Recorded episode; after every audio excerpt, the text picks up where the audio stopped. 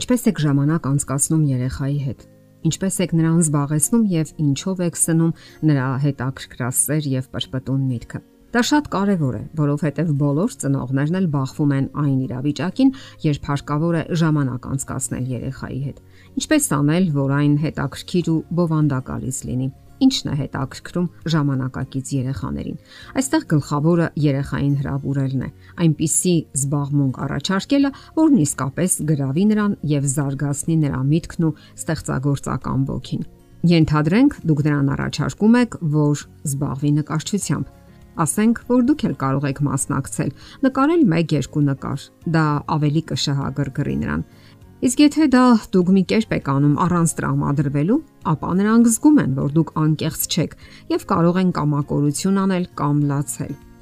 Երեխային կարող եք առաջարկել նկարել այնպիսի պատկերներ, որոնք մատչելի են նրա համար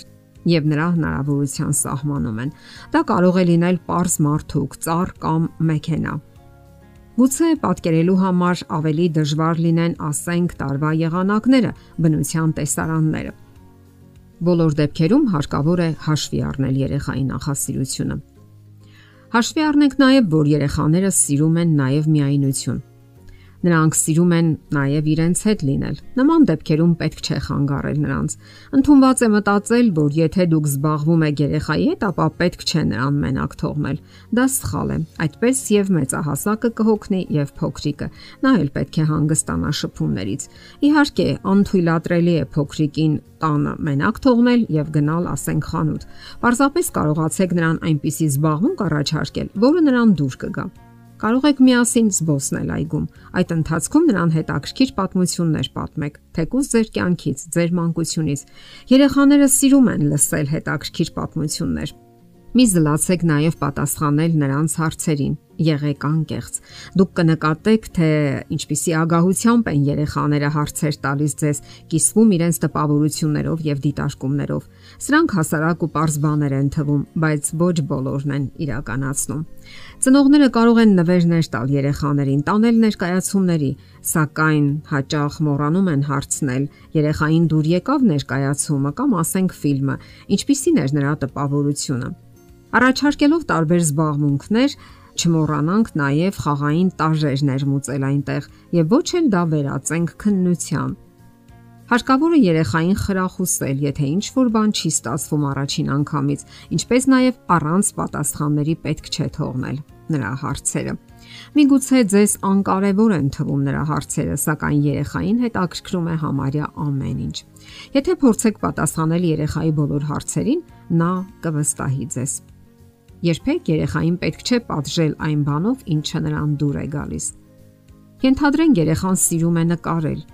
իսկ դուք զրկում եք նրան այդ զբաղմունքից, եթե ինչ որ վատ բան է արել։ Հիշեք ձեր մանկությունը, երբ ձեզ զրկում էին ձեր սիրելի զբաղմունքից, արդյոք դա ձեզ հետ էր պահում վատ արարքից կամ որևէ սխալից։ Դա միայն վիրավորվածություն էր առաջացնում։ Նրանք պարզապես մտածում են, թե ինչպես գաղտնի զբաղվեն իրենց սիրելի զբաղմունքով եւ դա թաքցնեն ծնողներից։ Եվ այսպես, ինչպես զբաղվել երեխայի հետ։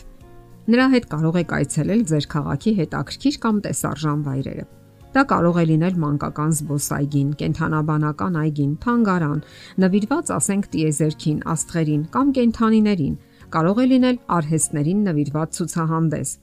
Կան դասեր, որոնց ընթացքում նա կարող է նույնիսկ իր ուժերը փորձել որևէ բնագավառում, լինի դա կարուձև, փայտագործություն, կավագործություն, խեցեգործություն, նկարչություն, զարդանախշ եւ այլն։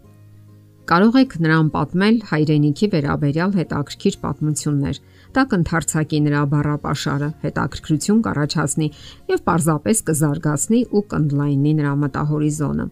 Հնարավոր է նաև էքսկուրսիաներ կազմակերպել, միանալ որևէ այդպիսի խմբի։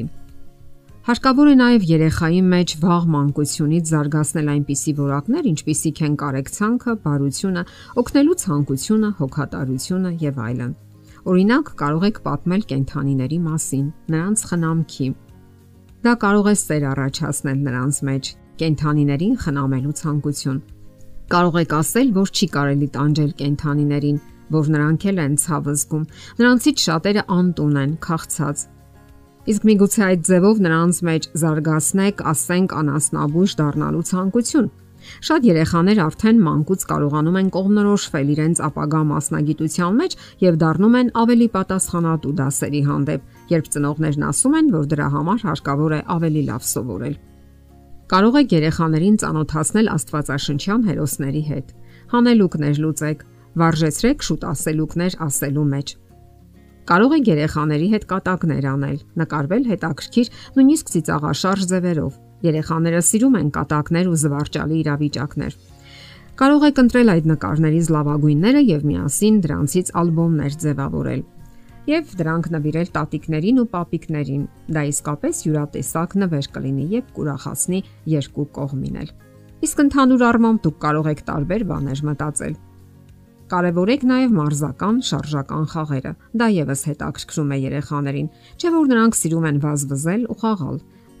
Միևնույնն է, վաղ թե ուշ նրանք սկսելու են հետաքրքրվել համակարգչով կամ այլ նստակյա զբաղմունքներով։ Կախված ձեր եղանակային պայմաններից կարող եք ընտրել մարզաձևը։ Դա կարող է լինել դահուկ, չմուշկ, թենիս, բադմինտոն, հեծանիվ եւ այլն։ Իմիջայլոց այդ ընթացքում դուք էլ կսովորեք որոշ խաղեր, որ մինչ այդ ժամանակ չեք տրամադրել կամ էլ չեք փորձել։ Եվ վերջապես, եթե դուք լինեք ստեղծագործական անznավորություն, ձեր երեխաներին էլ այդպես կդաստիարակեք։ Ժամանակը չի սпасում։ Երեխաները մեծանում են, բաց մի թողեք նրանց հետ լինելու եզակի հնարավորությունները Կարևոր է յուրաքանչյուր օրը։ Եթերում ընտանիք հաղորդաշարն է։ Ձեզ հետ է Գեղեցիկ Մարտիրոսյանը։ Հարցերի եւ առաջարկությունների համար զանգահարել 033 87 87 87 հեռախոսահամարով։